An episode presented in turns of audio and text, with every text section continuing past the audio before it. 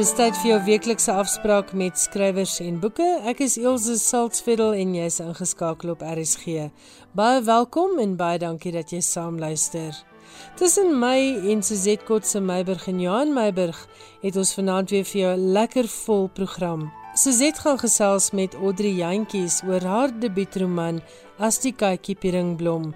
Ek gesels later met Deborah Steinmeier oor die ander soortige kuns en storieboek oor die werk van die Rosendalse skilder Willem Pretorius en in Johan Meiburg se internasionale insetsel bring hy hulde aan Shirley Hughes, die Britse kinderboekskrywer en illustreerder wat verlede week oorlede is.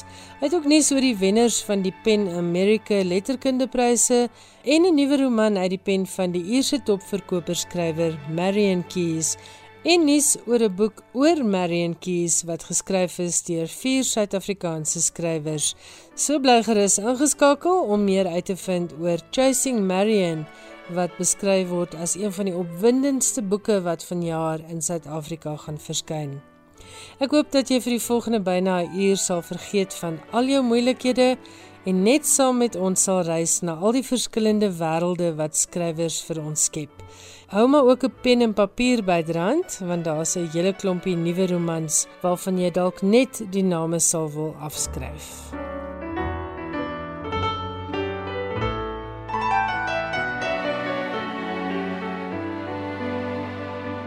As die kykie Pieringblom is 'n wordingsroman uit die pen van Audrey Jantjies.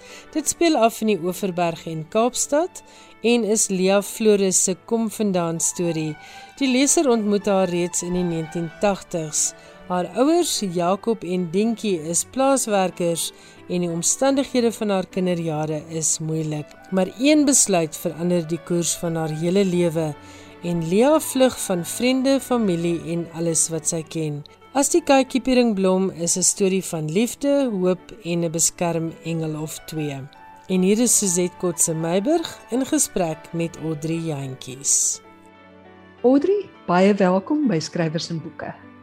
Baie dankie Suzette, goeienaand vir jou en goeienaand aan al die luisteraars. Hoe voel dit om uiteindelik jou debuut in jou hande te hou? Ek dink dit het al ingesink regtig.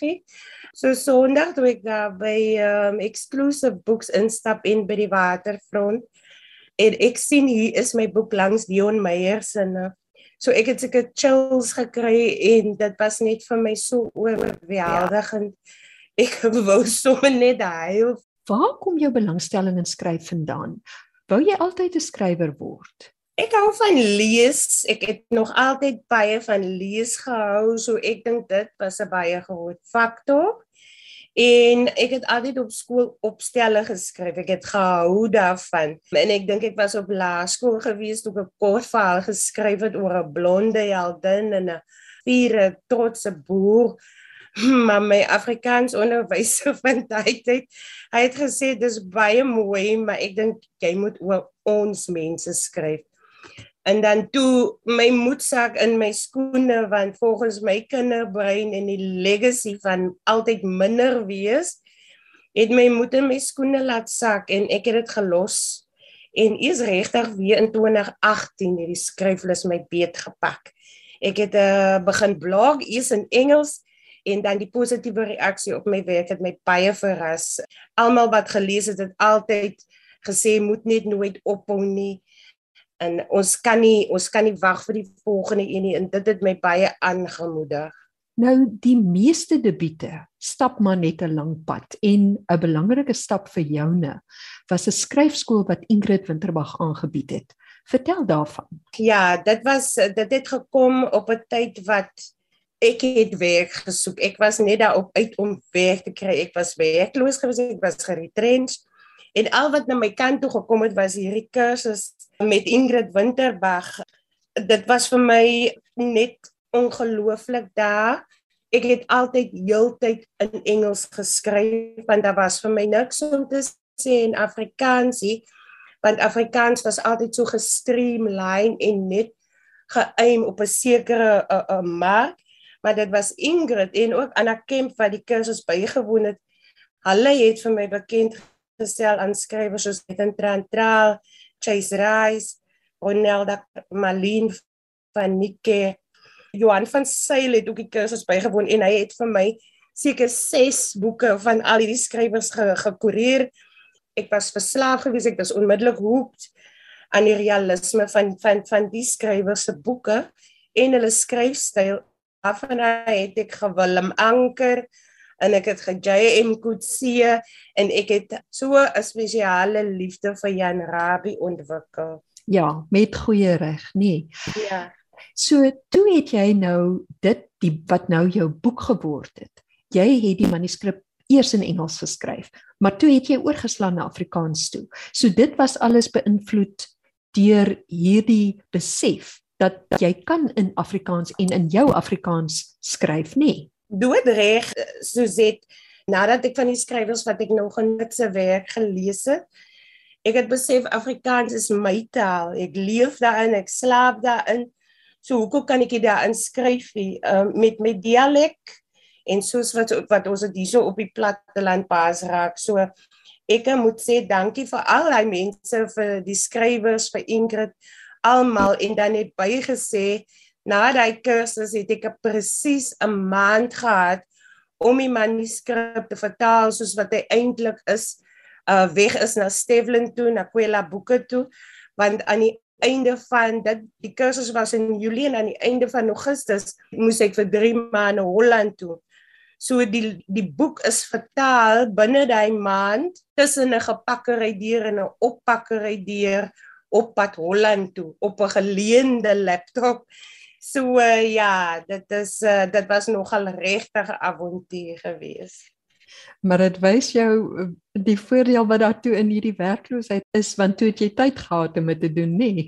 Presies en vir my is dit ook die die sinkroniteit van dit alles. Jy, daar is soveel terwyl ek nou hier sit en met jou praat sien ek hoe dit eintlik maar moes gebeur dat ek werkloos was op daai tyd. Anders sou dit seker nooit waar geword het nie.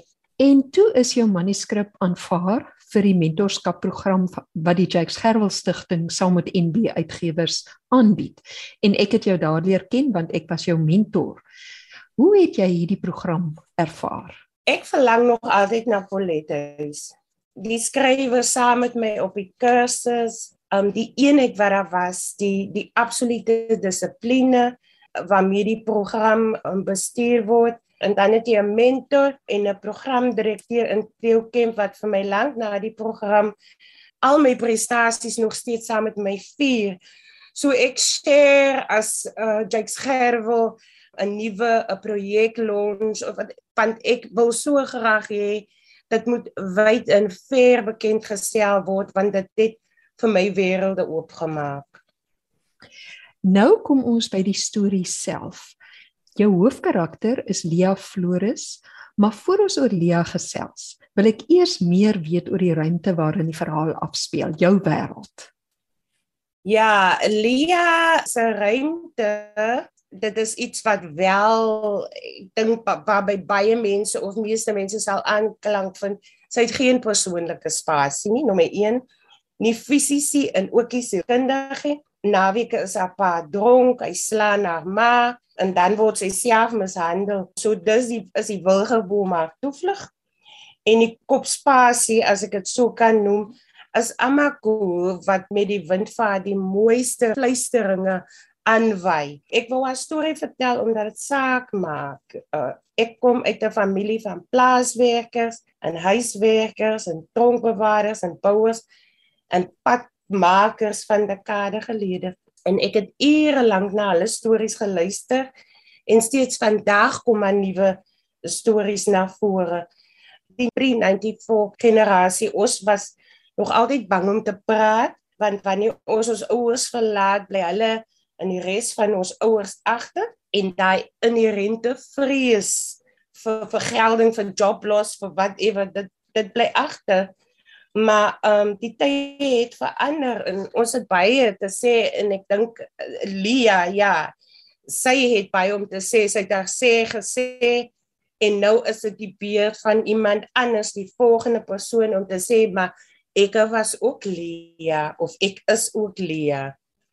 En meer spesifiek die ruimte uh, jy gebruik 'n fiktiewe dorpie in die Oeverberg, Galberg, maar dit is eintlik jou grootword area uh, in die Swellendam omgewing, nê? Nee, Geef vir my daai detail. Dit is reg, ja.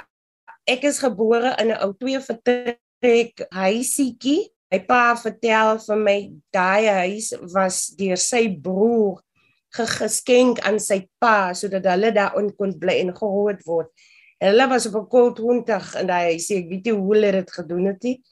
En daai tipe spasie, daai spasie het ek gebruik. Ek self, ons het hier na toe verhuis wel en dan toe en ek het groot geword volgens wat wat my ouers my vertel, eers het, het hulle in 'n hokkie gaan bly en toe het hulle getrek na die drie vertrekhuisie toe in Mariestraat en daai huisie staan nog steeds. So dit is 'n voorkamer, 'n kombuis en 'n slaapkamer. So daai hele spasie moes ons almal deel. Maar om jou is dit wyd en oop en die vlaktes, jy weet baie baie ruimte. So Lia, omdat hulle weggebly het van ander mense af, sy het eintlik maar net die wilgerboom gehad want sy het verskriklik beskermd groot geword as ek nou so kan sê. En ook jy praat ook van die ontsettende jy gee sulke mooi beskrywings en ook met die berge van Swellendam wat so treffend is as 'n agtergrond. Maar Lia gaan dan na matriek gaan sy Kaapstad toe eh, om te gaan studeer. So jou storie speel amper om die helfte in die platteland en in die stad af. En dit het my laat dink aan 'n gesprek wat ons twee gehad het oor die hele kwessie van taal in die bruin gemeenskap en spesifiek Kaaps en dat daar eintlik heelwat verskille is wat taalgebruik betref. Gaan so 'n bietjie daarop in. Ons op die platteland brei. Ek, ek was altyd skaam as ek Kaap toe gaan. Ek brei. Ek praat nie soos die mense in die Kaapie. Ons word die Engels groot hier nie. Um as 'n kind wanneer die kom die familie in die Kaap kom kuier uit, dan moet jy huis en alles altyd speak in Spanish en jy het altyd minder gevoel want hulle praat mos nou Engels en hulle jy en jou en ne en wanneer die gaste weg is as speel ons pop huisie en ek probeer Engels en Kaaps praat soos die familie wat nou net weg is. Maar dis al loop ek met trots in die hartjie van die Kaap en ek brei en ek doen my uitspraak. Daar is steeds daai bietjie van jy weet dit wil amper voorkom asof ons agterlik is omdat ons sie daai uitspraak het en of maar regtig die bevryding van om net jou taal te gebruik soos wat jy dit praat dit is ongelooflik en dit is regtig nie nodig en ek is so bly dat daar is mense is ehm um, uh, uh skrywers, ehm um, kunstenaars veral hulle aanvaar dit deesdae. Dat dit is nie meer snaaksie ek dink party mense en vind dit endearing as ek dit so kan stel. Maar ons is almal uit die bruin gemeenskap uit as ek dit so kan sê en ek dink regtig dis tyd dat ons mekaar se se verskille moet embrace ons moet mekaar embrace. Ek het op 'n kol probeer om 'n kort verhaal te skryf met die dialek of die uitspraak waarin ek nou praat maar dit is verskriklik moeilik want ja. jy wil 'n sekere leser bereik. So wat as ehm um, sê nou byvoorbeeld, okay, Marlene van Niekerk sal dit verstaan want sy is 'n plattelander. Maar as jy nou byvoorbeeld iemand vat wat heeltemal in die Kaap groot geword het, hy gaan dit nie hy hy gaan dit nie kry nie. Ehm um, hy, hy hy hy gaan wonder wat op aarde probeer die vrou sê. Maar die ironie van die saak vir my is ek het kinders gelees van van Chase uh, Reese en ek het heeltemal dis een van die boeke wat my baie na in die hart lees by the way. Ek het heeltemal verstaan wat hy sê en my dood gelag en dieselfde is met Nathan Trantrause wat is 'n calorie. Ek het hulle gegrasp, maar my vraag is gaan hulle verstaan wat ek probeer sê as ek in my streeks dialek praat, verstaan jy? So ek dink dis iets wat tog ondersoek moet word en na gekyk moet word.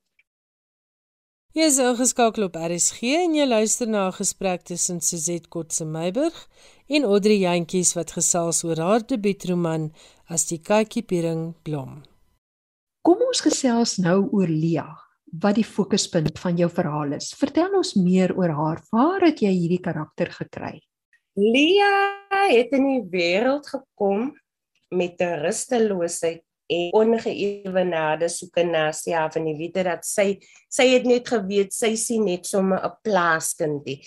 En ek dink haar ma met dit dat sy haar van kleins af aangemoedig het om uit daai lewe uit te kom om iets te word dit het vir haar dit het ook haar denkwyse geaffekteer op een of ander manier Malia het net ehm uh, gaan soek op die verkeerde wyse en regtig in die malemele van die stadslewe het sy verlore geraak en dan gelukkig uh, kan 'n mens daarom nou die luisteraars gerusstel dat uiteindelik is daar 'n goeie einde vir Lia. Jy het ook vir my gesê dat jy 'n spesifieke oogmerk met jou verhaal het, dat jy 'n spesifieke soort leser wil bereik.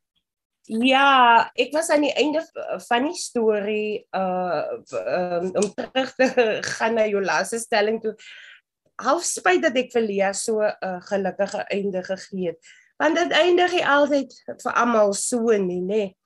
Dit is bitter min wat dit vir vir mense soos Lia of vir meisies soos Lia so eindig. Maar ja, na jou volgende vraag, ja, ek soek ehm um, na daai meisies en seuns wat so misverstaan word. Hulle het ander verlangens as om net te presteer. Hulle het seksualiteits-issues, maar hulle is te bang hulle word hier hulle gemeenskappe en die wêreld in geheel verwerp. Ek soek na daai plaaskind met aspirasies van 'n iets word soos Lia, maar vir wie die lewe haar lewe is nog steeds hierdie oë die oorblyfsels van 'n dopstelsel word haar lewe nog steeds oorheers. En ek soek na daai vrou wat voel alles is vir haar verlore maar sy hou aanskeef trap terwyl die stem in die kop uh, kom ons noem Amaku Anova fluister kom hier langs. Nie daarna toe nie maar sy ignoreer dit want haar verlede en haar foute wat sy gemaak het dit oorweldig enige gedagtes van vooruitgang en 'n nuwe lewe. So ja, dit is daai tipe leser wat ek wil bereik en hopelik verander Lia se verhaal ook hulle lewens.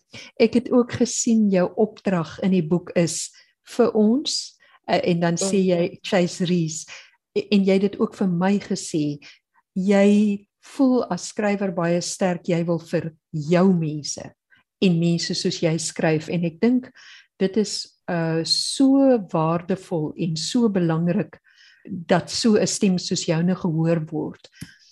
Iets omtrent jou skryfwerk wat my reg van die begin af getref het, is 'n sekere vreesloosheid. Jy skram nie weg van moeilike kwessies nie en jou taalgebruik is reguit en is op die man af. Dis nogal 'n bietjie sterk ook.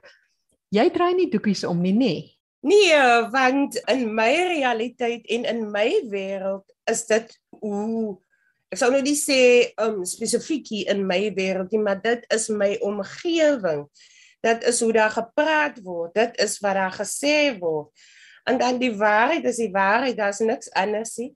En ons het nie meer nodig om vir ons te laat onderwerp aan vooropgestelde idees nie. Jy is vry of jy's 'n gevangene binne in jouself vir die res van jou lewe. En daar's ook 'n sterk spirituele element in die verhaal wat 'n baie interessante teenhanger vorm vir ek wil amper sê hierdie aardse bestaan en hierdie worsteling van Lia wat uitgebeeld word om haar eie mens te word. Is daar Lia se beskermengele? Vertel hoe jy daardie deel van die verhaal aangepak het en hoekom? Ek sal sê regtig waar, daar was 'n tyd soos ek voorheen genoem het wat ek wegloos was. Ek het alles verloor wat ek opgebou het. Ek moes weer by my ouers intrek. Dit het woester as woes gegaan, nie so seer fisies as om regtig waar op moet verloor se vlakte te sit. Ek was soos 'n vroulike job. Wat het ek nog oor? Ek is nie meer so jonkie, ek is nie meer 'n tienerie jy doen aansoek vir werk, dan sê hulle jy is te oud of jy is overqualified.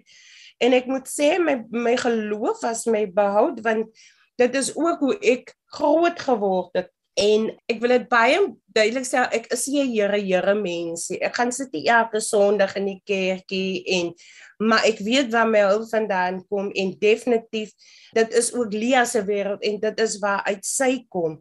So vir my het daar oor gegaan bly net staande. En die mense wat ek engele noem, Amaku, Amanda Shackley byvoorbeeld aan wie ek erkenning gee aan die agterkant van die boek Sy het net op die regte tyd gekom met daai aanbod. Sy het gesê, "Ore, al moet ek dit self betaal, maar ek voel jy het die talent om dit te gaan doen." As ek kon net eintlik die kursus doen as 'n intern hmm. met vergunning van Ingrid. As dit nie vir Amanda was nie, dan sou ek 10 teen 1 nooit daarbey uitgekom het nie. En die feit dat sy bereid was om te betaal daarvoor spreek van belief in jou talent en dit wat jy het om te gee. So vir my was Amanda op daai stadium 'n engel gewees. Daai verhaal wat ons tydens daai week met Ingrid geskryf het, het eintlik in die woordfeesbundel uh, van 2021 beland. So daar kom weer eens uh, sink sinkroniteit ter sprake. Alles val en gebeur net soos wat dit veronderstel om te gebeur. So ja. En jy het jou engele uh want uh, dit is bonatuurlike wesens, het jy spesifiek in 'n nama idioom geplaas. Waarom daai besluit? Ons was mos nou besig om finale editing te doen, uh myself en Stefan. En ek dink 'n groot inspirasie daar was gewees deur daai jentjies. Sy was saam met ons uh op die program sy het so 'n kinderanimasie reeks stories in die wind. En die dogtertjie het dit het my so aan die hart gegryp dat dit vir my gevoel dit is ek daai dit is my mense dit is waar ek vandaan kom. So nou sê ek vir Stevlin kom ons verander engele se name en ons gee vir hulle nama name en daai sê vir Dorothea Davids genader vir wie ek verskriklik dankbaar is.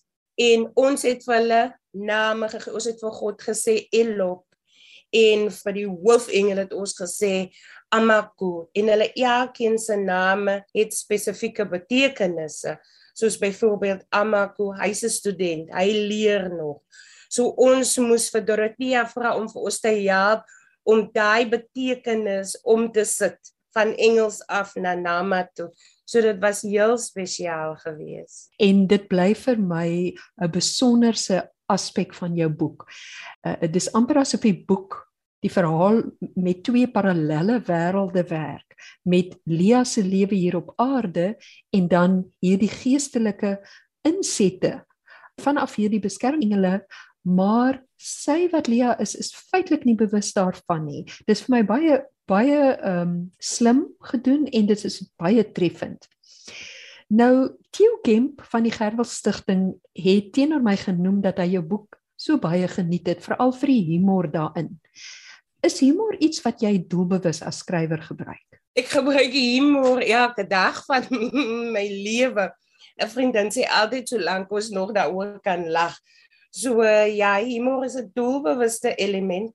Uh, my familie het so swaar gekry al twee kante maar ek het gesien ons hulle ons het altyd 'n rede om te lag. En die lag is nog beter as om heeldag tussen te chunk en verbitterd rond te loop want dit wys op die oond op jou gesig en op die oond affekteer dit jou hele lewe. So die lag ja en die humor definitief en dit is iets wat ek verskriklik waardeer van my mense. My pa laat ons elke dag hierso ons vir ons by moet lag vir sy sê goed dit is definitief 'n element wat ek doelbewus gebruik en altyd probeer doen. Want daar's 'n swarte het my mentor vir my geleer by hierdie gerwel uh stigting op die en dan raak jou werk te swaar. En ek het al sulke boeke gelees wat jy tot in die helfte en dan voel jy mm, mm dit maak vir my neerslagtig en jy weet bedroef. So die humor dink ek is 'n baie belangrike element en ek sê dankie vir my vir my mentor dat sy dit by my tuis gebring het ja om om alles ligter te maak. En dis ook interessant dat Ronelda Kamfer wat 'n aanbeveling vir jou boek geskryf het wat op die voorblad verskyn, haar sy het dit ook raak gesien want haar aanbeveling sê Jantjie skryf met 'n light touch deur die donker, snaakse en kleurvolle lewe van Lia Flores. Sy het as 'n baie ervare skrywer presies daardie teenstelling amper in jou werk opgetel. Die moeilike kwessies wat jy aanspreek, maar die manier hoe jy dit aanbied dat die leser word meegesleer deur net die die manier waarop jy jou verhaal vertel en dit is baie baie goed gedoen jy het al genoem van jou kortverhaal, uh, maar dit was eintlik jou heel eerste publikasie wat toe in die 2021 Woordfees bundel verskyn het. Daardie kortverhaal Mombakkie wat werklik een van die beste kortverhale is wat ek al met die Woordfees bundel mee gewerk het. So uh, kan ons volgende 'n kortverhaal bundel van jou verwag? Ek is besig daarmee ek het al 'n hele paar kortverhale geskryf ja. 'n tyd vang my net so 'n bietjie, maar aan die ander kant ook besig uh, aan 'n nog 'n roman wat ek hoop uh, en vertrou dieselfde impak of selfs meer van 'n impak sal hê as Lia se verhaal en om net wyd en en en sê want ek dink dis iets wat die mensdom as 'n geheel raak. Maar vir nou kort verhale en ja, ek uh, is besig om baie detail detail op te volg en op te som en ja, ek is net ongelooflik dankbaar vir al hierdie geleenthede. So so dankbaar. Nou Audrey, ek wens vir jou alles van die beste verder met jou skryfloopbaan toe. En dit is ek is oortuig daarvan dit is nie die laaste wat ons van jou gehoor het nie. Uh en baie dankie vir 'n baie lekker gesprek. Dit is 'n groot groot plesier en ek sê dankie vir jou en Radio Sonder Grense en al die luisteraars. Hoopelik gesels ons vinnig weer. Dit was Suzette Kotse Meiburg en Audrey Jantjies in gesprek oor Audrey se eerste roman as die kykie Pieringblom. Dit word uitgegee deur Kwela. Willem Pretorius is een van ons voorste skilders wie se byna fotorealistiese skilderye van die Suid-Afrikaanse platteland 'n sekere gevoel van nostalgie na 'n verlore onskuld by 'n mens wek. In die koffietafelboek Iewers Erns kan jy kleurafdrukke sien van 50 van Willem Pretorius se jongste werke met dinge soos huise, treine, dorpstonele, versaakte swembaddens, landskappe, ou karre en plattelandse winkels as onderwerpe. Elke skildery word vergesel deur 'n stuk skryfwerk van 'n bekende skrywer, musikant, digter of skilder. Ek het met die uitgewer Deborah Steinmeier oor iewers erns gesels.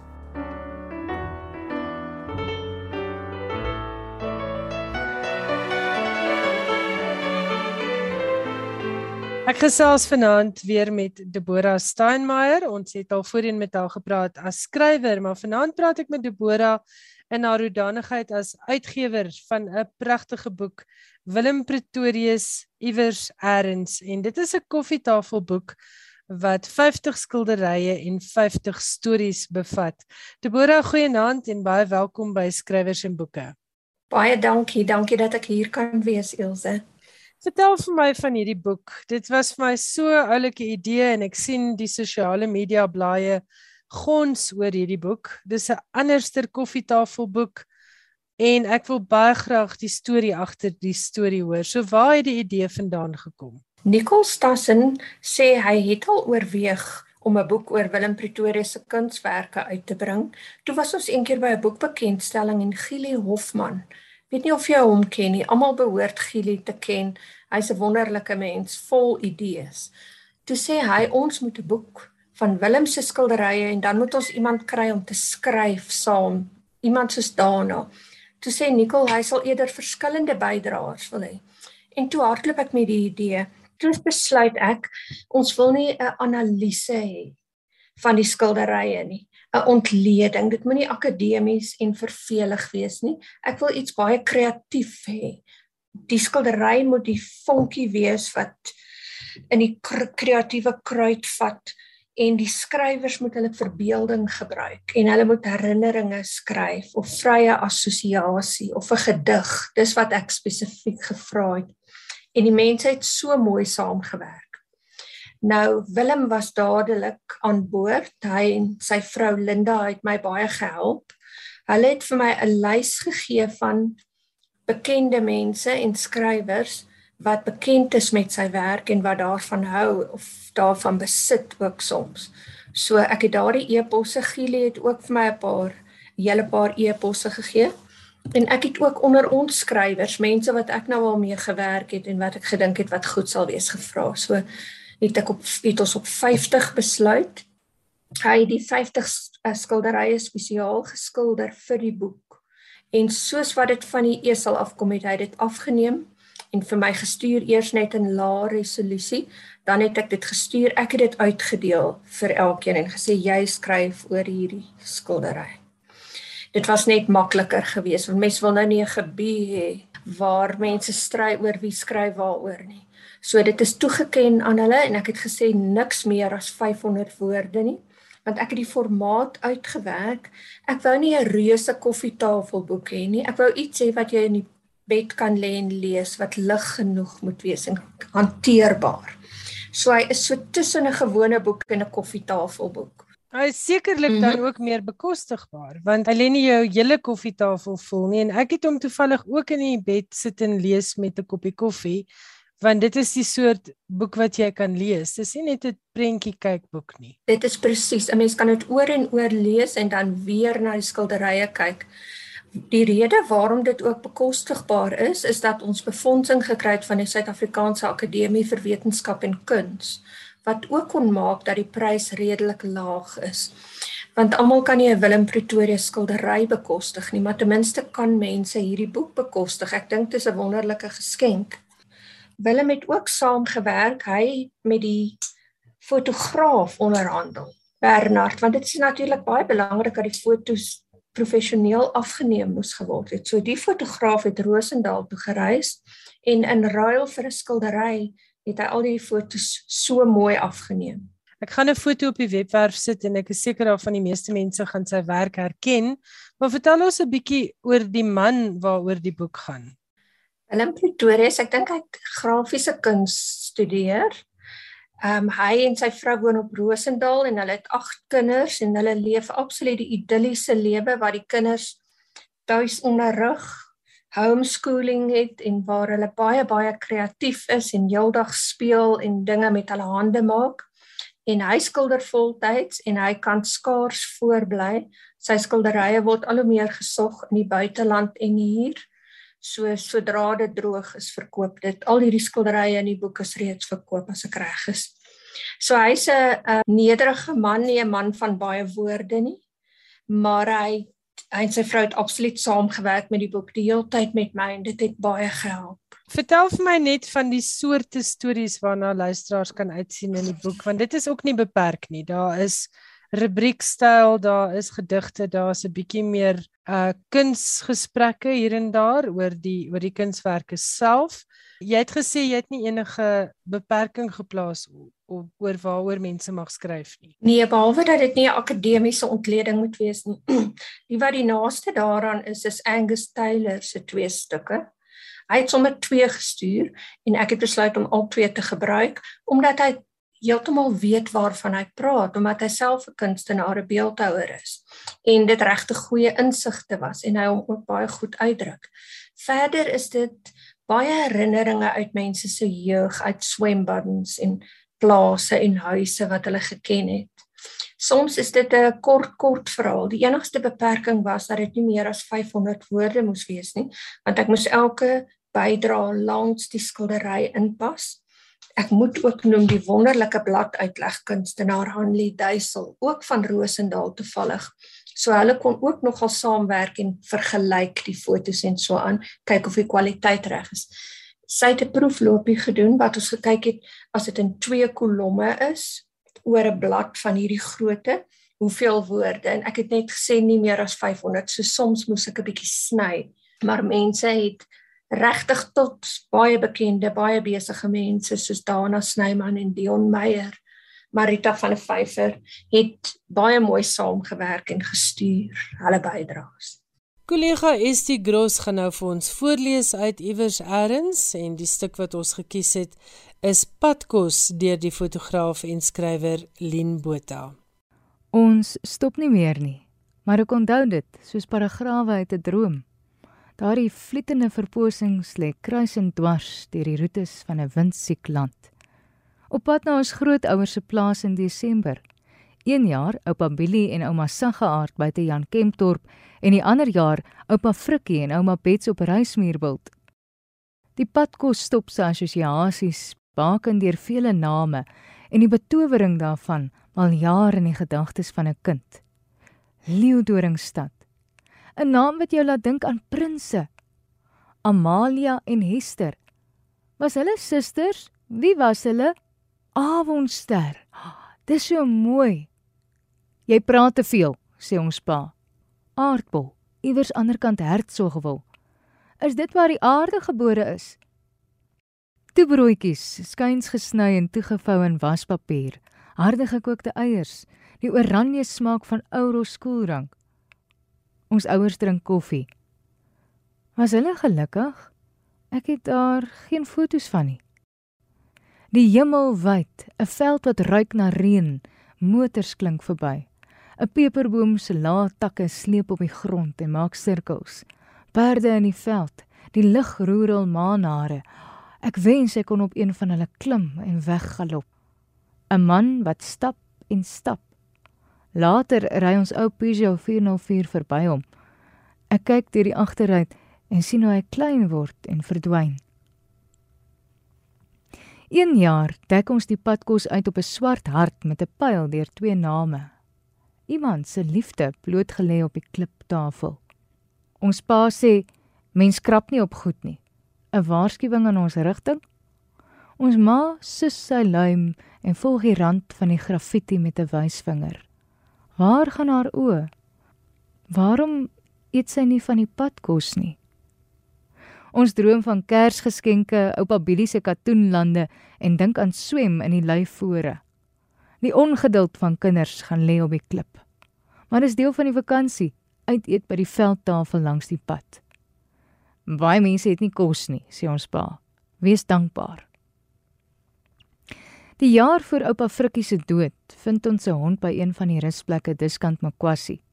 'n Verwese driepoot steekhaar brak, hygend van honger en dors. Hy smil saam in die padkos, lek ons enkels en blaf vir die son. Ons trek klitsgras uit sy pels en vryf sy koppie. Sy oë vra mooi: Na al vier kinders se geneel, gevolg deur Ma Helena se oortuigende pleidooie, is die piknikbrak saam fort. Teen die tyd wat ons by die plaashek inry, is hy tripod gedoop. Ons pa het egter nooit weer by daardie tafeltjie stilgehou nie. Dankie Estie. Iewers erns word deur Protea boeke uitgegee en Estie Gross het vir ons Lien Botha se stukkie onthou Padkos voorgeles. Lien Botha is die skrywer van twee romans, naamlik Wonderboom en Win wat onlangs by Kolerie verskyn het. Skrywers en boeke, alles wat jy oor die boekewêreld wil weet en meer. Nou is dit tyd om die program af te sluit en soos altyd is dit Johan Meiburg wat dit vir ons gaan doen. Hy het 'n insetsel vanaand oor die kinderboekskrywer en illustreerder Shirley Hughes wat verlede week oorlede is en hy vertel ook meer oor die Pen America letterkundepryse en dan die beloofde nuwe boek deur Marion Keys en die nuwe boek oor Marion Keys deur vier Suid-Afrikaanse skrywers. Maar kom ons laat Johan Meiburg verduidelik. Shirley Hughes, die Engelse skrywer en illustreerder van kinderboeke wat veral bekend was vir haar reeks van 8 Elfie boeke, is verlede week dood. Sy was 94. Die 200 kinderboeke wat sy die lig laat sien het, waarvan talle vertaal is en meer as 10 miljoen eksemplare daarvan wêreldwyd verkoop is, is so autentiek Engels soos Winnie the Pooh en Wind in the Willows. Met die verskyning van Dogger in 1977, dieselfde jaar waarin die eerste Elfie boek gepubliseer is, was daar mense wat gemeen het die boek sal nooit afdek in die buiteland kry nie juis omdat dit so deurenteur Engels was. Dogger was egter Hughes se groot deurbraak en het die buitelandse mark met 13 vertaalde weergawe vir haar ontsluit. Dogger is die verhaal van 'n seentjie wat sy snoesige speelding, 'n hond, verloor. In 'n onderhoud in 2017 het Hughes vertel die verhaal is geskoei op ware gebeure. Dogger was 'n speelding wat haar 2-jarige seentjie as geskenk ontvang het. Die speelding het weggeraak en hulle kon dit nêrens opspoor nie. So troosteloos eindig die boek egter nie, want Dogger maak toe wel weer sy verskyning op 'n rommelverkoping. Met die boek het sy die Kate Greenaway medalje vir kinderboeke verower. In 'n huldeblyk het die skrywer Philip Pullman haar onthou vir haar ryk en verrykende talent.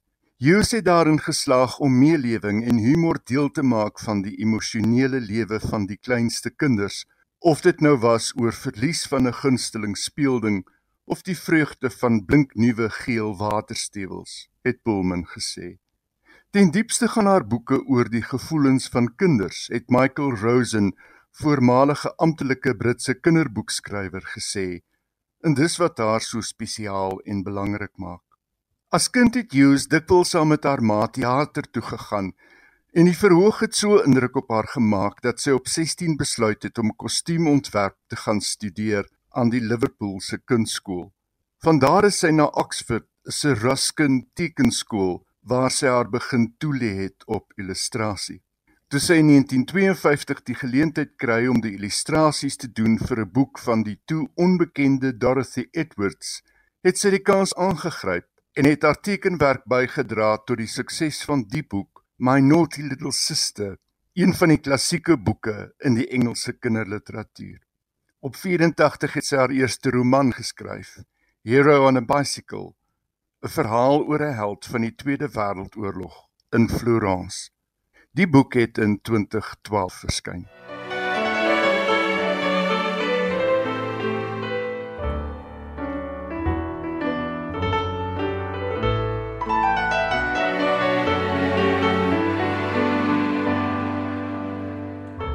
Die wenner van die 2022 Pen America Letterkundepryse is verlede week aangekondig en 'n totale prysgeld van meer as 5 miljoen rand was ter sprake. Die werk van meer as 40 skrywers en vertalers het erkenning gekry en ek noem enkele van die boeke wat aandag getrek het. Die vernaamste prys is die Pen Jean Stein prys wat toegekend word aan 'n boek in enige genre wat uitblink in oorspronklikheid, meriete, trefkrag en wat binne die genre vernuwing bewerkstellig. Die wenner in die kategorie was The Kissing Bug A true story of a family, an insect, and a nation's neglect of a deadly disease, deur Daisy Hernandez, uitgegee deur Tin House Books. Dis 'n verkenning van aansteeklike siektes, armoede, rasisme, profietgedrewe gesondheidsorg en die skade wat jarelange verwaarlosing in die FSA tot gevolg gehad het. Hernandez het die land deurkruis en onderhoude gevoer met pasiënte, mediese dokters, epidemioloë en selfs veeartse om 'n beeld te gee van the kissing bugs wat verantwoordelik is vir die verspreiding van die Chagas parasiet. Meer as 300 000 mense in die FSA is besmet met die siekte. Die wenner in die kategorie vir debuutroman deur 'n Amerikaanse skrywer is toegeken aan Tori Peters vir die roman The Transition Baby, uitgegee deur MCD. Die roman is beskryf as 'n vreeslose verkenning van gevestigde taboes oor gender, seks en verhoudings met betrekking tot vroue. Die prys vir 'n vertaalde werk is toegeken aan Migratory Birds deur Mariana Oliver, uitgegee deur Transit. Die boek is uit Spaans vertaal deur Julia Sanchez. Die versameling essays deur die Meksikaansgebore Oliver verken migrasie in sy vele gedaantes met benewens verwysing na plekke, ook gebiede soos taal, geheue, pyn, begeerte en die lyf. Hier is Story Peters aan die woord oor die verhaal gegeewe in Die Transition Baby en waar dit vandaan kom. Die Transition Baby is about Reese who is you can think of as sort of like Fleabag, but trans and in Brooklyn, in that she's a bit of a mess, sleeping with married men, trying to figure things out. And the action kicks off when her ex, Ames, who used to be a trans woman named Amy, but detransitioned, gets his boss, Katrina, pregnant, and then approaches Reese to see if they want to, if she wants to raise the baby um, with together in, in a sort of unconventional family, a triad. And that's actually only like the first chapter. And then the book is the, you know, how does it go from there is sort of what, what, what the book is about.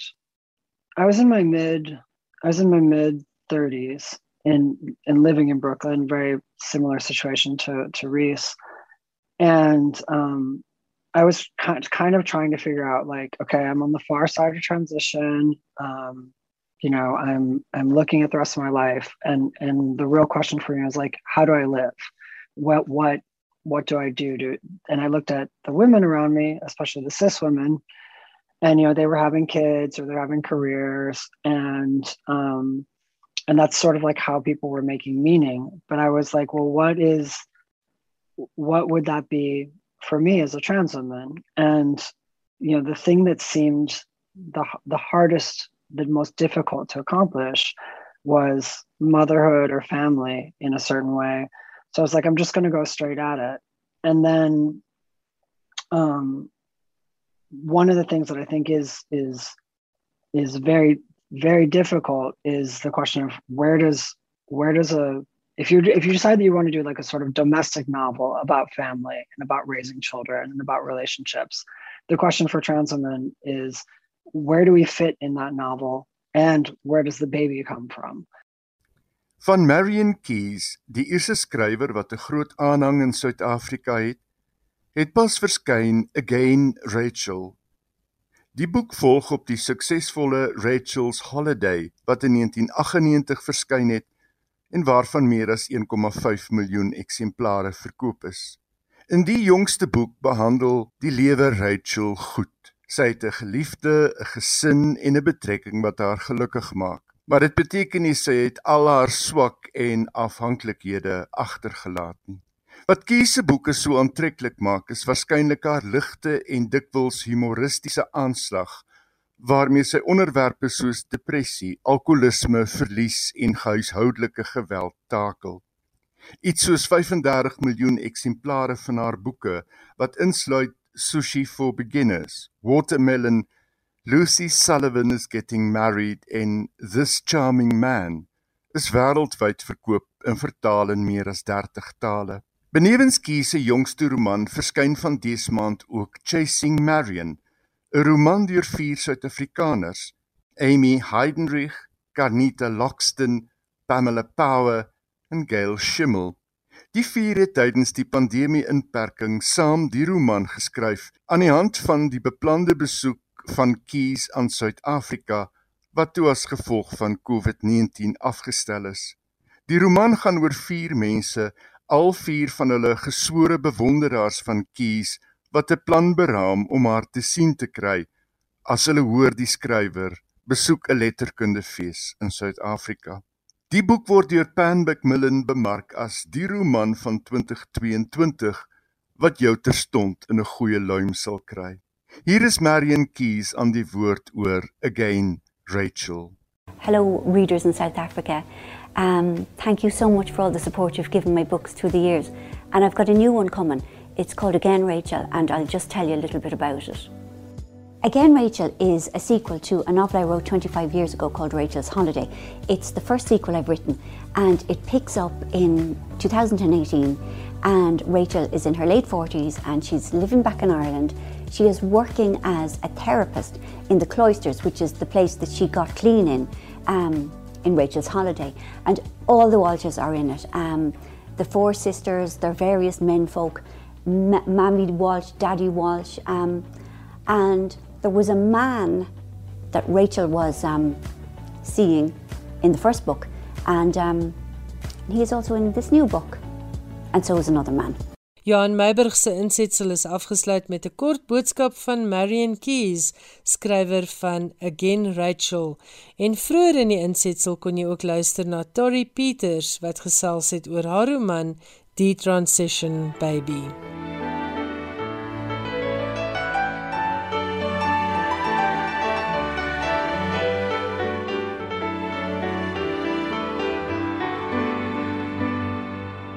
Dis ongelukkig alwaarvoor daar tyd is in finansies skrywers en boeke, maar baie dankie dat jy saam met ons gekuier het. Volgende Woensdag gaan ons ek en Johan Meiburg weer terug met nog nuus uit die boekewêreld. Tot dan, ek hoop dis 'n goeie week vir jou met stapels boeke om jou so 'n bietjie van die spanning van die wêreld om jou te laat vergeet. Totsiens en mooi loop.